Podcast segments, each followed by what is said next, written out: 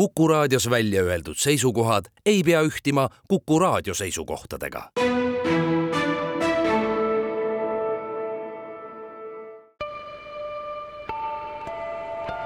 ilmaparandaja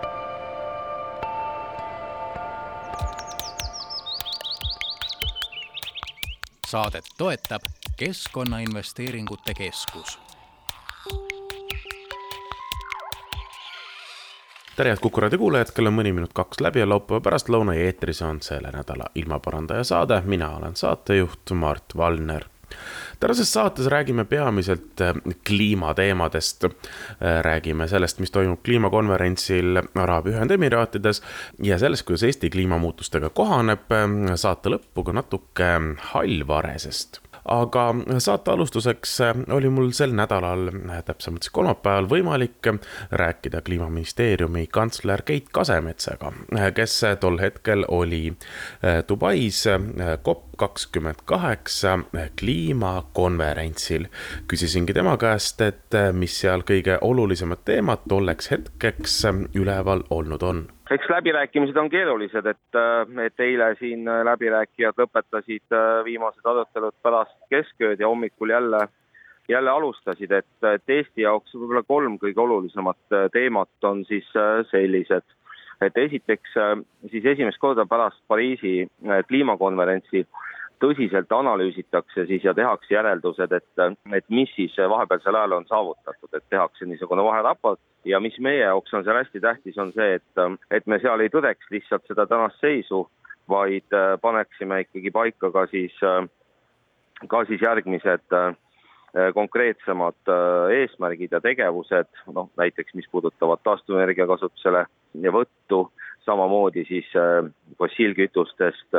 järk-järguliselt väljumist, et see on meile hästi oluline teema. aga teiseks tõesti just konkreetsemad algatused mis siis aitavadki fossiilkütuseid äh, nii-öelda asendada ja nende nõudlust äh, vähendada, et äh, Eesti on ühe esimese riigina liitus siis, liitus siis algatusega kahe tuhande kolmekümnendaks aastaks kolmekordistada taastuvenergia tootmine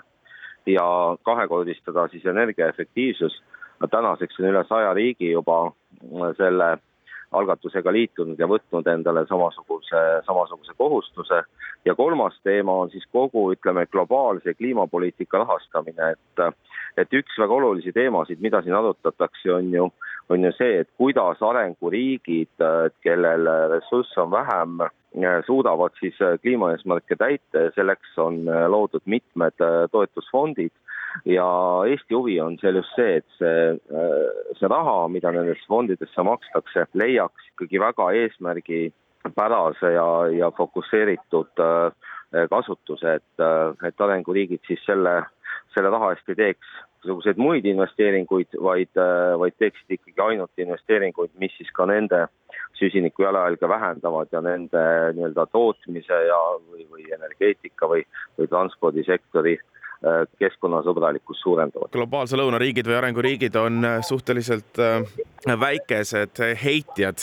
ikkagi, eks ole, et sinna vist suur osa peaks ka seda rahastust otsitakse selle jaoks just, et nad saaksid hakkama kliimamuutustest tulenevate probleemidega, sellepärast et ega nad ju heidavad vähe, aga,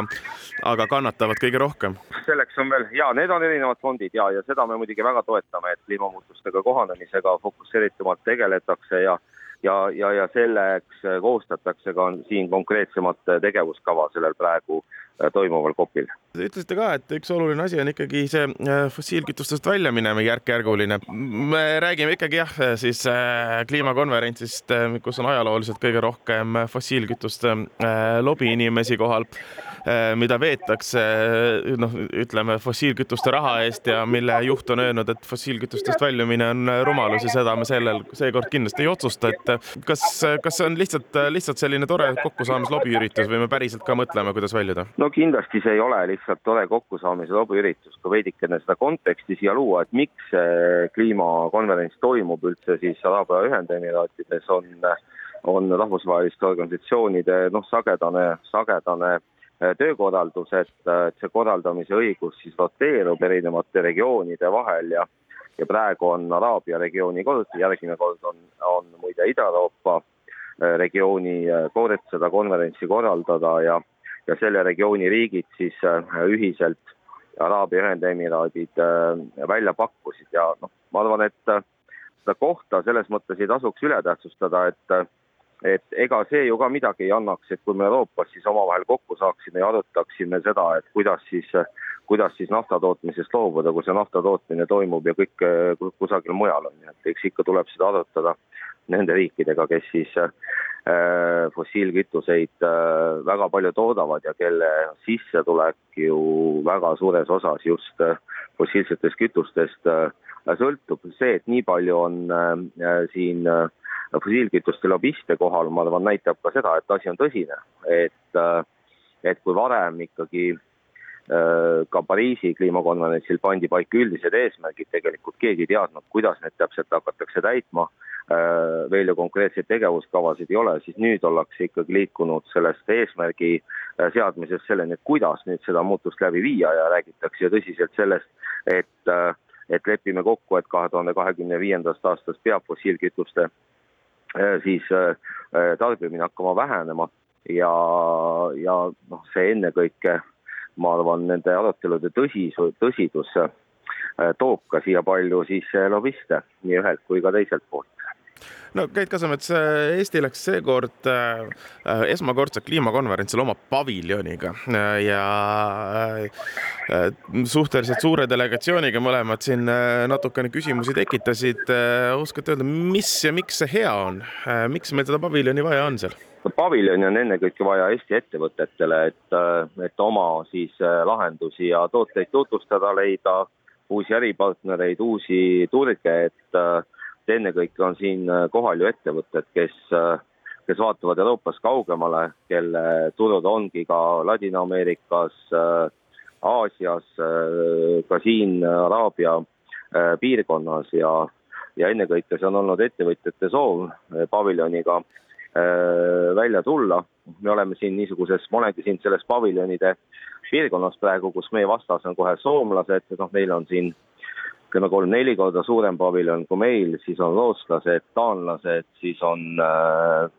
Beneluxi riikide paviljon, siis on Euroopa Investeerimispank, siis on eraldi veel Põhjamaade äh, paviljon, et eks kõik on siin, kõik on siin kohal ja, ja oma ettevõtetele neid äh, võimalusi loovad aga mis seal meie Eesti omas ikkagi toimub täpsemalt? Äh, ma tean, et äh, Tallinn on seal rohelise pealinnana kohal, mõned ettevõtted, Auvetech ja Energiasalg, kui ma nüüd peast, mis mul meelde tulevad, aga, aga mis seal siis päevade jooksul ikkagi Eesti paviljonis toimub? no põhilised vedurid äh, ettevõtete poole pealt on, on, on Ragn-Sells, on ju, kes siis siin otsib koostööpartnereid just oma siis äh, Äh, jäätmete taaskasutuse projektidele, äh, siis Utilitas, äh, noh, Nortal suurematest ettevõtetest ja siis tõesti suur hulk digitaalseid ettevõtteid, startup'e, kes siis pakuvad oma lahendusi nii metsaandmete osas kui transpordis kui, kui teistes, teistes valdkondades, et eks see ütleme, mingis mõttes need arutelud, noh, see programm on, on kenasti kenasti ju avalik ja näha, et need, nende arutelude väga suur mõte on ka, on ka just luua siis äh, niisugust äh, konteksti Eesti, Eesti niisugustele prioriteetidele, Eesti ettevõtete huvidele ja, ja, ja tuua siis, äh, tuua siis inimesi siia Eesti paviljoni siis Eesti asjadest huvituma, et siin need arutelud on päevade kaupa jagatud ka teemade kaupa ära, et soomlastega oleme põhjalikult siin arutanud koostööd Äh, vesinikutehnoloogiate arendamisel, äh, selles osas, kuidas Euroopa teadus-arendusprogrammidest rohkem, rohkem raha saada. Äh, metsandusandmetega oleme, oleme põhjalikult tegelenud energeetikaga, taastuvenergia arendamisega, salvestusega, et noh, väga paljude erinevate teemadega, mis kõik on, kõik on niisugused praktilised lahendused siis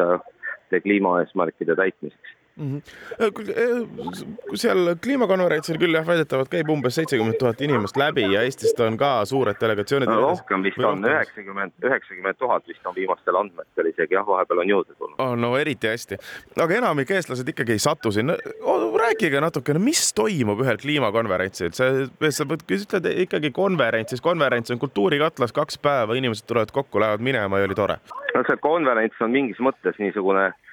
koondnimetus, et ta ei ole siiski selle Eesti konverentsi äh, mõttega kuidagi sarnane, et, et tegelikult toimuvad, äh, toimuvad, ma arvan, niisugused neli paralleelset äh, protsessi, et ühelt poolt toimuvad siis läbirääkimised ikkagi selle noh, tekstide ja kokkulepete osas, et, et mida siis täpselt otsustatakse selle vahearuande osas,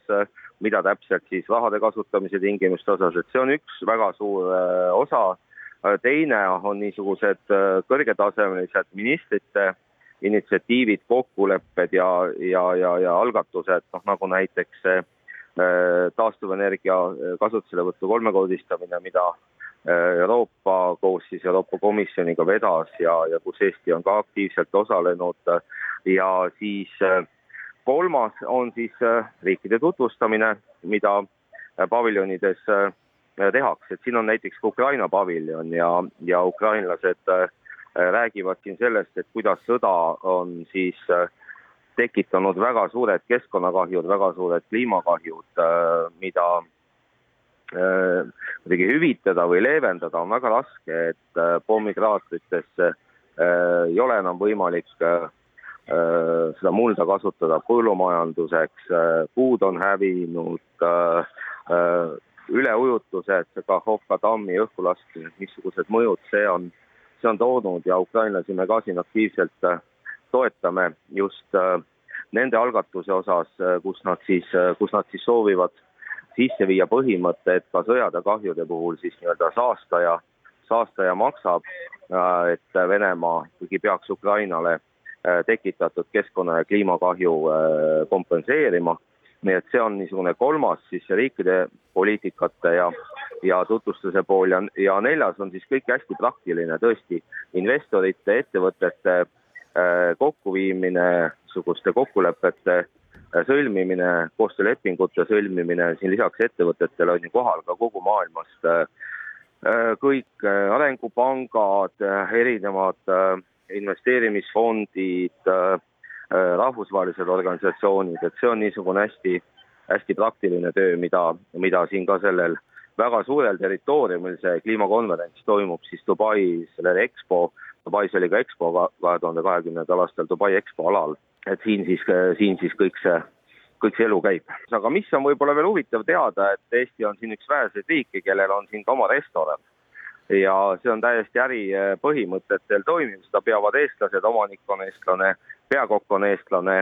äh, ka veinide valija, administraator on eestlased ja, ja on siis siia COP-i äh, ajaks või kliimakonverentsi ajaks äh, oma restorani püsti pannud, mis on siin väga populaarne, Valgeranna restoran, muidu igapäevaselt tegutseb äh, Abu Dhabis. väga paljud keskkonnakaitsjad, keskkonnakaitseorganisatsioonid on äh, aastaid rääkinud sellest, et tegemist on aegunud formaadiga äh, ja me peaksime kuidagiviisi seda muutma, sellepärast et see on liiga pikaldased protsessid, liiga palju arutelu ja tegelikult liiga vähe tulemit ma arvan, et me ei saa neid suuri globaalseid protsesse muuta, ilma et me kõik selle nimel koostööd teeksime, aga kas see on see formaat, kuidas seda koostööd teha? No muidugi me peaksime liikuma edasi kiiremini, et äh, see kliimamuutused on jõudnud, nende suur mõju on jõudnud meieni kiiremini, kui varem arvestati. globaalne temperatuur soojeneb ka kiiremini, kui, äh, kui eeldati, nii et, äh, et tegutseda tuleb. noh, täna ma ise ei näe, et oleks mõni väga palju parem formaat, et et see, et kord aastas saadakse kokku ja neid kliimateemasid arutatakse, ma arvan, äh, toob ikkagi selle kliimateema vähemalt kord aastas väga tugevalt fookusesse, noh, kõikide teiste globaalsete probleemide, sõdade, konfliktide kõrval ja ja kui jälgida kas või rahvusvahelist meediat või, või teiste riikide sisemisi arutelusid, et siis juba kuu aega enne seda kliimakonverentsi väga palju kliimateemadest, räägitakse ka sellest, et ei ole piisavalt tehtud, ka see on, see on tegelikult oluline, oluline kliimakonverentsi niisugune äh, roll, et siis tõesti seda ka teadvustada, et, äh, et me ei ole piisavalt kiireid edusamme teinud, nii et kui tuleb endaga kaasa ikkagi võtta sellesse, äh, sellesse noh, kliimapoliitikasse kõik maailma riigid, et siis, siis ilma ütleme kokkutulemiseta ja arutamiseta on, on keeruline näha, kuidas seda saaks teha no nüüd äh, see eelmine nädal äh, kopp algas, me salvestame siin kolmapäeva hommikul, nädal aega umbes on kestnud, äh, kaksteist detsember vist on see kuupäev, kui eestlased hakkavad ennast kokku pakkima kodu poole koos kõikide ülejäänud maailma riikidega. mis see tulem oleks, millega me võiksime Eesti delegatsioonina rahul olla kogu selle kopiga peale selle, et meie restoranil on hästi läinud? eestlased on väga praktilised, me ootame ikkagi praktilisi tulemusi. Äh, me kindlasti soovime, et, äh, et Ukraina äh, sõjaga tekitatud keskkonnakahjude deklaratsioon leiaks laialdast toetust ja selle nimel teeme tööd. hea tulemus on ka see, kui tõesti me ei piirdu vaid, vaid kokkuvõtete tegemisega, vaid paneme paika konkreetsemad niisugused edasised sammud, et, et ka praeguseks juba need üle saja taastuvenergia äh, tootmise suurendamise algatusega liitunud riiki on, annab lootust, et, äh, et ka see, et ka see juhtub. nii et noh, ma arvan, niisugused praktilised, äh, praktilised sammud paremuse suunas on, on need, mida, mida Eesti siit ootab ja loomulikult ka seda, et Eesti ettevõtted saaksid uusi koostöölepinguid ja uusi äripartnereid, et see on ka pikk protsess, et see ei käi, ei käi niimoodi, et, et kohe esimese korraga tehakse palju suuri kokkuleppeid, aga, aga need kontaktid äh, kindlasti ettevõtetele äh, saavad tulevikuks olema väga kasulikud. ilmaparandaja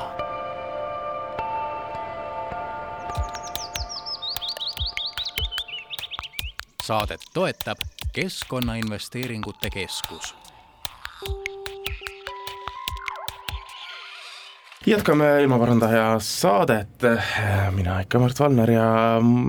jätkame kliimateemadel. jätkame sellel teemal, et kui äh, praegu käib kliimakonverents ja arutatakse, kuidas ja mida teha sellega, et kliimamuutuste äh, tempot peatada, siis äh, sellegipoolest kliimamuutused on meil juba mõnda aega kohal ja olemas ja nendega tuleb tegeleda ja kohaneda. kuidas Eesti riik kliimamuutustega Eestis kohaneb? Tunneb ja missugused probleemid üleüldse on. mul on hea meel, et minuga on Kliimaministeeriumi kliimaosakonna eh, juhataja Laura Remmelgas, tere päevast, Laura! tere päevast! no eh, räägiks alustuseks sellest, et eh, tõesti kliimamuutustega kohanemise arengukava on Eestil olemas minu meelest kas seitse või kaheksa aastat juba vähemalt, samas need muutused ja, ja probleemid, millega tegelema peavad, kindlasti ajas muutuvad ja kliimamuutuste tempo on olnud oluliselt kiirem, kui me oleme ka seda, ütleme, dekaad tagasi oodanud mis need äh, probleemid või mured Eestis üleüldse on, millega me praegu siin kohanema peame? et tõepoolest äh, kaks tuhat kuusteist see kohanemise äh, kava sai, sai Eestil koostatud, ähm, selle aluseks olid põhjalikud analüüsid, et kuidas siis muutuv kliima erinevaid tegevus- ja majandusvaldkondi äh, Eestis äh, mõjutada võiks ja millised peaksid siis olema need äh, lahendused, millega selles muutuvas kliimas paremini toime tulla. ja juba tol ajal said ka siis need peamiste selliste väljakutsetena ära märgitud ekstreemsete sademetega toimetulek, äh, põuaperioodide pikenemine, kuumalainete sagenemine, aga ka siis erinevate ekstreemumite sagenemine. ja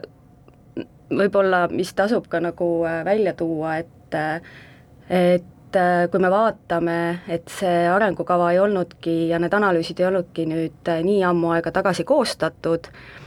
siis äh, tänaseks äh, need arengud ja see kliima muutumine on olnud võib-olla isegi natukene kiirem, kui me toona prognoosisime. ja sellega seoses me oleme ka siis neid prognoose nüüd uuendamas, et et näha seda tulevikku paremini ette, et kuidas see kliima siin Eestis muutuma hakkab mm. -hmm. aga mis need ohud üleüldse, mida me praegu ette näeme, mis meil võivad olla, tõesti ekstreemumite äh, noh, aeg-ajalt on meil olnud üleujutusi ja kas me hakkame nendeks rohkem valmistuma, kas meil on äh,, tuleb rohkem sademevee ärajuhtimist ja samal ajal äh,, kuna ka põuad ju suurenevad, et siis ma ei, ma ei teagi, mida ehitada saab, et, et neid, seda olukorda parandada, rohkem li, linna looduse arendamist ja nii edasi või mis, mis me nagu päriselt teeme? siin on jah, eri, erinevaid nii-öelda lahendusi, et ma tooks kõigepealt välja, et looduspõhised lahendused, need on võib-olla sellised äh, kõige universaalsemad, mis äh, aitavad toime tulla erinevate kliimamuutustest tingitud mõjudega, olgu selleks siis äh, sademevee üleujutused, aga ka siis ähm, äh, nii-öelda kuumaperioodid, kus tuleks tuleks inimestele ka rohkem varju pakkuda ja hoonetele rohkem varju pakkuda, et selleks need Äh, looduspõhised lahendused on ka kõige universaalsemad äh, ja lisaks siis sellele äh, kliimamuutuste mõjuga toimetulekule tõstavad nad ka üldiselt meil elukeskkonna kvaliteeti. et et me, võib-olla mida me peaksime siin Eestis rohkem mõtlema, ongi see, et et kõik need lahendused, mis aitavad meil kliimamuutuste mõjuga toime tulla, Äh, on tegelikult äh, ka äh, head meie elukeskkonna kvaliteedile, et me ei vaataks neid lahendusi kui sellist täiendavat kuluartiklit, vaid kui normaalset hea elukeskkonna lahendust mm. -hmm. kas me hakkame ka rannavalle ehitama ja ma tean paljudel riikidel, kus on veetõusud, noh eriti eelkõige muidugi Vaikse ookeani saareriigid ja nii edasi, tohutud vallid ehitatud, Holland ju samamoodi hästi suures mures, kuna see maa on ju merest allpool, eks ole, kui meretase veel tõuseb, et mis seal saab ja nii edasi. kas me hakkame ka rääkima sellest, et Eesti rannikul ehitame suured vallid ette? Äh, kindlasti tuleb ka Eesti äh, rannikualade puhul hinnata seda, et äh, kus ja millised need mõjud avalduda võiksid, just tuleviku vaates ka, aga äh, juba täna nii äh, sadem-, nii sadamate puhul, aga kui vaadata ka, kuidas see uus rannapromenaad Pärnus on ehitatud, siis ka need rajatised juba täna mingil määral arvestavad nende mõjudega, et küll nad ei ole nii palju vaadanud siis seda ette, et mis meil äh, võib-olla siin tulevikus toimuma hakkab, aga meil on olnud siis neid äh, mineviku äh, kogemusi ja ekstreemumeid, millele tuginedes neid lahendusi on siis rajatud. aga jah, et võib-olla üks väljakutse, millega me nagu siin Eestis rohkem võiksime ka tegeleda, ongi siis see, et äh, me ei vaata ainult seda mineviku kliima poolt, vaid me iga lahenduse puhul, eriti kui me räägime sellistest pikaajalistest äh, investeeringutest, pika elueaga investeeringutest nagu taristu, hooned, siis nende rajamisel tuleb mõelda ka juba sellele, et milline see kliima seal piirkonnas, kuhu see Äh, hoone või rajatis äh, ehitatakse, milline see saab seal olema ja millega tuleb siis seal arvestada, et kas meil hakkab seal potentsiaalselt merevee tase tõusma, äh, on meil seal kuidagi suurem potentsiaal sademevee koondumiseks, soojussaarte tekkeks, et kõikide nende aspektidega juba siis ehitamise juures arvestada ja mitte mõelda ainult sellele, et neid sündmusi siin ei ole olnud, aga vaadata ka siis pigem seda, et äh, kuidas see võiks siis hakata kahekümne või viiekümne aasta perspektiivis kujunema ja juba ette mõelda, sest ümber teha on kindlasti äh, äh, kulukam ja keerukam, kui, kui kohe nende lahendustega arvestada mm. -hmm. kui me räägime kahekümne, viiekümne aasta pärast, mida need prognoosid meile praegu siis nii-öelda ette näitavad, et missugune see Eesti kliima on, no eristame nüüd selle palun ikkagi ära, eks ole, et et kliima ja ilm on, on kaks erinevat asja ja see, et meil on praegu ilus ja lumerohke talv, ei, ei tähenda, et kliimamuutused või on, on läbi saanud, eks ole, et et mida, mida need prognoosid meile näitavad praegu? prognoosid näitavad seda, et Eestis see aasta keskmine temperatuuri tõus saab olema kiirem ja on juba olnud kiirem kui paljudes muudes maailma piirkondades. Ja kui nii-öelda üldistada, siis saab olema rohkem sademeid nii-öelda ühel perioodil koos korraga maha tulemas, pigem siis vihma kujul kui lume näol, rohkem kuumapäevi, rohkem põudasid. Äh, aga mis võib-olla veel siis on iseloomulik, et äh, kui sa ka siin välja tõid, et äh, täna ju on täitsa kena talvine ilm. Et ka see kliimamuutuste üks keerukusi ja väljakutseid on see, et see määramatus suureneb, et me ei, me ei oska enam nii selgelt ette näha, mille, milliseks Äh, see konkreetne talv või äh, suvi äh, kujuneb ja nad võivad olla siis ka aastate lõikes väga erinevad. ehk siis meil tuleb erinevate, erinevate olukordadega arvestada, et et äh, ei päästa meid siis äh, ainult see, kui me äh, ruume, ruume jahutame, me peame endiselt mõtlema ka kütte peale, me peame mõtlema selle peale, et kui meil on äh, tormid äh,, kuidas meie energiataristu, elektritaristu äh, vastu peab, et me ei saa nagu üheski kohas siis tegevusi kuidagi lõdvendada, et pigem selline planeerimisoskus ja erinevate, erinevate sündmuste ettenägemise oskus äh, muutub üha vajalikumaks. ekstreemsusi tuleb mõlemale poole mm, -hmm. nii, nii, et äh, kui see aasta sai septembris veel maasikaid, mis oli ju väga tore kasvatada, siis võib tulla mõni aasta, kus neid ei saa ka, ka, ka suve jooksul mitte kätte. eks see on kõik arusaadav, aga see tähendab ka seda, et kliimamuutustega kohanemine ei ole ainult meie ümber füüsilise maailma ju muutmine, et me teeme rohkem varju ja teeme paremat elurikkust, elurikast keskkonda juurde, see tähendab ka igasuguseid muid äh, sotsiaalseid äh, aspekte, eks ole, me peame arvestama suure tõenäosusega suvel äh, haiglate suurema täituvusega, kuumarabanduse tõttu. Me peame mõtlema igasuguste toetuste peale. Just nimelt, kuna me ei tea ju, kas põllumees saab see aasta saaki või saab ta kolm saaki või ei saa ta mitte ühtegi, eks ole. et kas need kõik protsessid ja on ka sisse mõeldud meie see kogu sinna kohanemise arengukavva? jah, need äh, teemad äh, käivad äh, sealt läbi, aga koha, kohanemise juures, mis on võib-olla oluline silmas pidanud, ongi see, et et seal on roll erinevatel osapooltel ja tasanditel, et eks see riigi roll alguses on olnud teadlikkuse tõstmine, ka see, et tagada, et erinevad valdkonnad siis võtaksid kliimamuutusi oma äh, tegevuste kavandamisel arvesse, siis meil on kohaliku omavalitsuse tasand, et kuna kliimamuutused on väga selline äh, kohaliku äh, mõjuga nii-öelda nähtus, et meil on ju asustusstruktuurid on erinevad, ka Eestis võib olla see, et kuidas kuid-, kuidas meil ilm parasjagu on, äh, on ka erinev ühes Eesti otsas ja teises Eesti otsas ja ja sellest, äh, sellest lähtuvalt ka siis need tegevused, äh, mida tuleks võtta, on väga kohaspetsiifilised aga jah, erinevates valdkondades selle peale juba mõeldakse, sellega tegeletakse, et et äh, tervise, äh, tervisega seonduv on võib-olla üks olulisemaid asju, äh, millega kliimamuutuste kohanemise puhul tuleb mõelda ka kõikides äh, valdkondades, et see ei ole ka siis ainult nüüd äh, nii-öelda haiglate ja Sotsiaalministeeriumi küsimus, aga võib-olla nendeni jõuavadki siis need mõjud äh, suuremana ka siis, kui ruumilises planeerimises, ehituses me ei ole piisavalt teinud, et neid mõjusid kuidagi leevendada, et et kui me ühes valdkonnas jätame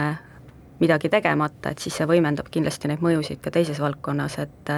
et kindlasti me võiksime pigem mõelda sellele, et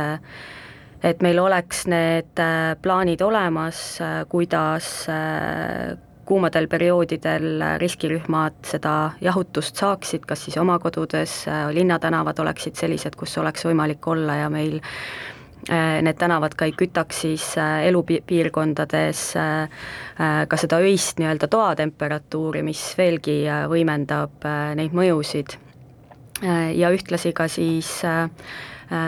mida on ka Terviseamet välja toonud, et et lisaks, äh, lisaks sellele kuumapäevadele, äh, mis tervist mõjutab, äh, on ka hajaasustuses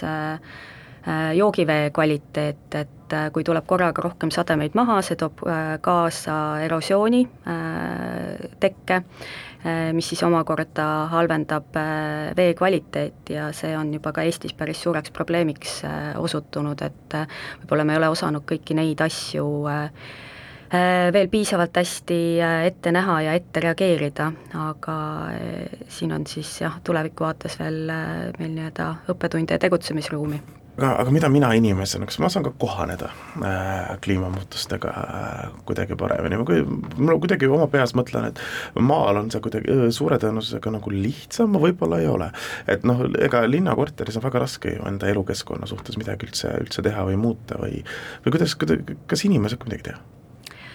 äh,? jah, eks, äh, eks kõige suurem äh, mõju on ikkagi see, kuidas me seda nii-öelda ruumi äh, üldse kujundame ja siin äh, võib-olla üksikisikul kohe nii-öelda otsene mõju ja tegutsemisvõimalus ei pruugi olla nii suur, aga see, et kuidas meil ka see, need linnad, need hooned kujunevad, et, et eks siin ka tasub äh, Äh, on oluline roll ka sellel teadlikkusel, et kui meil on äh, teadlikud äh, linnaelanikud, nad oskavad ka küsida selliseid lahendusi planeeringute osas, mis ei ole kliimamuutuste mõjule nii vastuvõtlikud, et võib-olla siin Eesti inimeste teadlikkust selles osas on veel võimalik kasvatada. Ja ka see, et et kus, kus ka siis äh, võib-olla üksikisikul on äh, suurem tegutsemisruum, on äh, nende enda aedades või kortermajade territooriumil, et mil-, mida siis seal tehakse, et kas asfalteeritakse kõik pinnad ära, et et äh, oleks võimalikult palju äh, parkimisruumi või äh, tekitatakse ka sinna siis lahendusi, kus on võimalik olla soojal või liiga kuumal suvepäeval, mis ka varjutab siis nagu hoonet ja ja teeb inimeste olemise mugavamaks sellistes natukene ekstreemsemates tingimustes, on ka lahendused sademevee ärajuhtimiseks, et jah, et päris seda ei saa ka öelda, et üksik-, üksikindiviidil üldse rolli ei ole, aga aga eks siin olegi, et kõikidel tasanditel on siis äh, oma roll ja mõju äh, selles osas, et kui kohanemisvõimelised me oleme. ilmaparandaja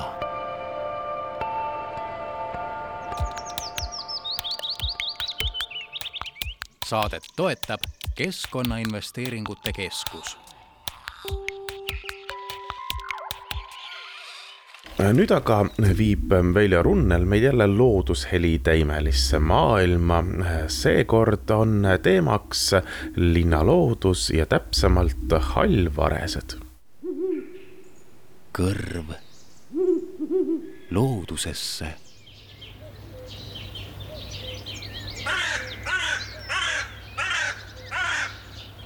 räägin jälle linnaloodusest ning seekord on mul varuks üks tiivuline elukas, kes ennast ka linnas üsna hästi tunneb.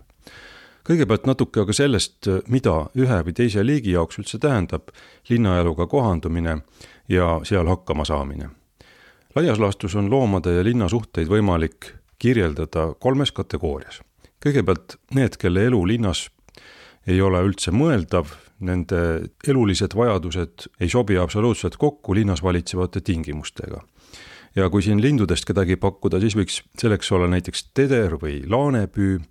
või imetajatest karu või jällegi lindudest kaljukotkas. imetajatega on küll nii, et aeg-ajalt võib kurioosumitena ette tulla, et mõni isend satub linna. üsna hiljaaegu sattus ju Tartu linnatänavatelegi karu võib vaid ette kujutada, et sellised õnnetud loomad on linna sattudes šokiseisundis. Teises kategoorias on sellised liigid, kes suudavad linnaeluga kohaneda. Need on liigid, kes enam-vähem elavad samasugust elu linnas nagu ka looduses, saavad enda jaoks vajalikku kätte sellest piskust looduslikust elemendist, mida, mis linnas on olemas, ja samas kannatavad nad ka ära inimesega kõrvuti elamise ja ei satu sellest liigsesse stressi ja ma mõtlen selle inimesega kõrvuti elamise all erinevaid häiringuid, mida inimene pakub või tekitab, kas siis liikluse, müra või reostuse näol või ka elupaiga tihedate muutuste näol, kui midagi linnas ehitatakse või lammutatakse või ümber kujundatakse. ja sellised liigid võiks olla näiteks suur kirjure või siil, nad ei ole kuigi arvukad linnas, kuid saavad seal hakkama ja kolmandas kategoorias on need liigid, kes linnakeskkonda oma hüvanguks suudavad ära kasutada. ja kes ka inimese loodud keskkonnast leiavad isegi rohkem toitu ja elupaiku, kui nad seda looduses leiaks. Neile võiks omaloominguliselt nimeks anda läbilööjad. ja heaks näiteks on eelmises linnalooduse rubriigis tutvustatud rändrott, aga ka koduhiir või lindudest näiteks koduvarblane ja eesti keeles ongi selliste liikide nimes sageli sõna kodu, nagu kodutuvi või kodukakk. täna aga võtan vaatluse alla hoopis hallvarese. kas ta nüüd on linnas kohaneja või läbilööja, sellele tegelikult väga lihtne ei olegi vastata. linnas on ta küll tavaline, kuid tavaline on ta ka maal ja mosaiiksemas loodusmaastikus üleüldse, mõnikord mererannas, ja hallvares tavaliselt teeb pesa puu otsa kuid mitte koloniaalselt nagu künnivaresed. ja sageli aetaksegi neid künnivarestega segamini ja isegi ka hakkidega, hakid on küll palju väiksemad ja pesitsevad enamasti õõnsustes, kasutades ära ehitistes olevaid erinevaid avausi või uureid näiteks linnas. kuna hallvarese ehitisi tavaliselt pesitsemiseks ei kasuta, siis see aspekt linnaelust teda eriti ei meelita või ei aita kaasa tema linnastumisele pigem on selleks hoopis linnades hallvaresele avanev rikkalik toidubaas. inimese tegevusest tekivad toidujäätmed. linnas ei ole hallvares siiski ülemäära arvukas ja võib konkurentsis alla jääda suurematele ja agressiivsematele hõbekajakatele näiteks. hõbekajakale on väga lihtsaks saagiks ka enamasti hästi leitavates hallvarese pesades olevad munad ja pojad Hallvarese linnastumise edukäik on mitmetes Euroopa maades alanud pärast teist maailmasõda, viiekümnendatel ja kuuekümnendatel aastatel. kuna tollal oli väga levinud vareste ja röövlindude vaenamine ja ka hävitamine, siis kiiret linnade asustamist Hallvarese poolt ei toimunud. kuigi tingimused olid head ja Soomes tehtud uuringu järgi olid küll maailmasõja järel olud Hallvaresele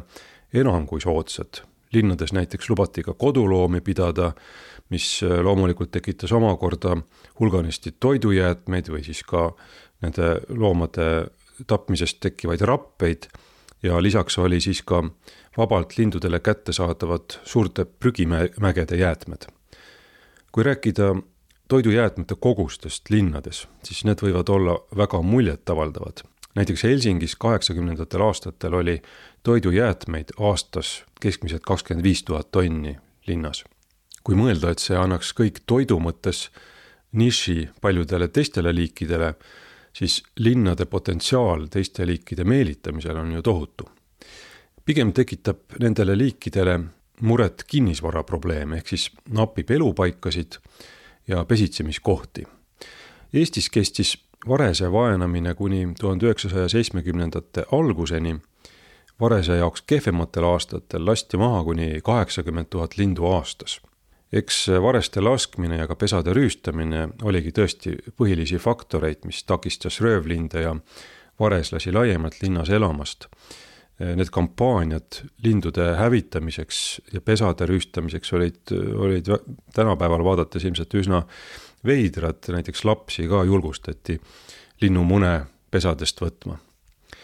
viimastel aastakümnetel on Euroopa linnades loobutud nii barbaarsetest meetoditest lindude arvukuse piiramisel ja see on tekkinud, teinud ka võimalikuks hallvarese võidukäigu linnade asustamisel. ühe hallvarest soosiva faktorina võiks nimetada ka linnaparkide rajamist, kus on siis ka piisavalt suuri puid, mis talle pesapaigaks võiks sobida aga miks siiski Varestel on olnud äh, halb renomee ja miks neid on vaenatud? ühes Sloveenias tehtud uuringus küsiti inimestelt, millised on olnud nende kokkupuuted varestega ja suurem osa vastanutest oli näinud hallvareseid prügikastides tuhnimas ja prügikotte lõhkumas. kui nüüd veidi mõelda, siis selle olukorra saaks väga lihtsalt ära hoida, kui prügikäitlemist veidi hoolsamat teha ja prügi äh, ainult suletud konteinerites ladustada. lisaks muidugi peaks prügivedu toimuma ka õigel ajal, et ei saaks tekkida ülekuhjatud prügikaste. üks vareslastele süüks pandavaid asju, mis inimesi pahandab, on see, et nad ründavad aeg-ajalt inimesi. eriti muidugi ajavad ärevusse kuuldused, et vareslased ründavad lapsi kõigepealt sellele Sloveenia uuringule viidates peaks mainima, et ainult vähesed olid sellist rünnakut oma silmaga näinud. nii et selline isiklik kogemus ähm, selle halva mulje tekkimisel oli suhteliselt väike. linnud võivad tõesti inimesi rünnata oma pesade lähedal, et kaitsta eelkõige oma poegi kui pojad on pesast väljunud, aga ei ole veel lennuvõimelised, nagu seda võib ka vareslastele mõnikord juhtuda, siis võivad linnuvanemad lähenejat rünnata. sagedamini on see siiski hirmutamismanööver ja reaalselt ei tule vares inimest nokkima või, või ründama. sama lugu võib tegelikult juhtuda ka rannas, kui inimene satub liiga lähedale tiirupesale või metsas, kui kogemata satutakse näiteks händkakupesa juurde. varestest võiks rääkida veel palju Nad on väga intelligentsed ja ilmselt see on ka tema linnalinnu edukäigu üks võti. vareslastel võib päris sageli näha ka mängulusti ja hiljaaegu ma trehvasingi ühe sellise video peale, üks Soome fotograaf oli, oli teinud videolõikusid varestest ja ühel oli näha, kuidas hallvaresed nautisid esimest lund ja veeretasid ennast lumehunnikutest alla ja viskasid lund nokaga ülesse mina olen kindlasti seda meelt, et Hallvares linnas on tore ja rikastav liik,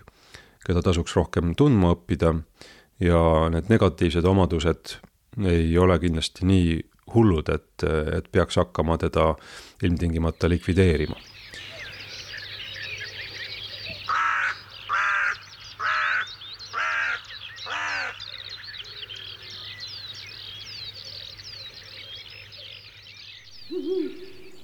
kõrv loodusesse. selline oligi selle nädala ilmaparandaja saade, loodan, et teil oli sedasama põnev kuulata, kui minul seda teha ja kokku panna. ilmaparandaja ise on jälle eetris natuke vähem kui nädala aja pärast, ärge selle nädala jooksul siis ka unustage enda ümberringi vaadata, et leida viise, kuidas ilma parandada. saatejuht oli täna Mart Valner. ilmaparandaja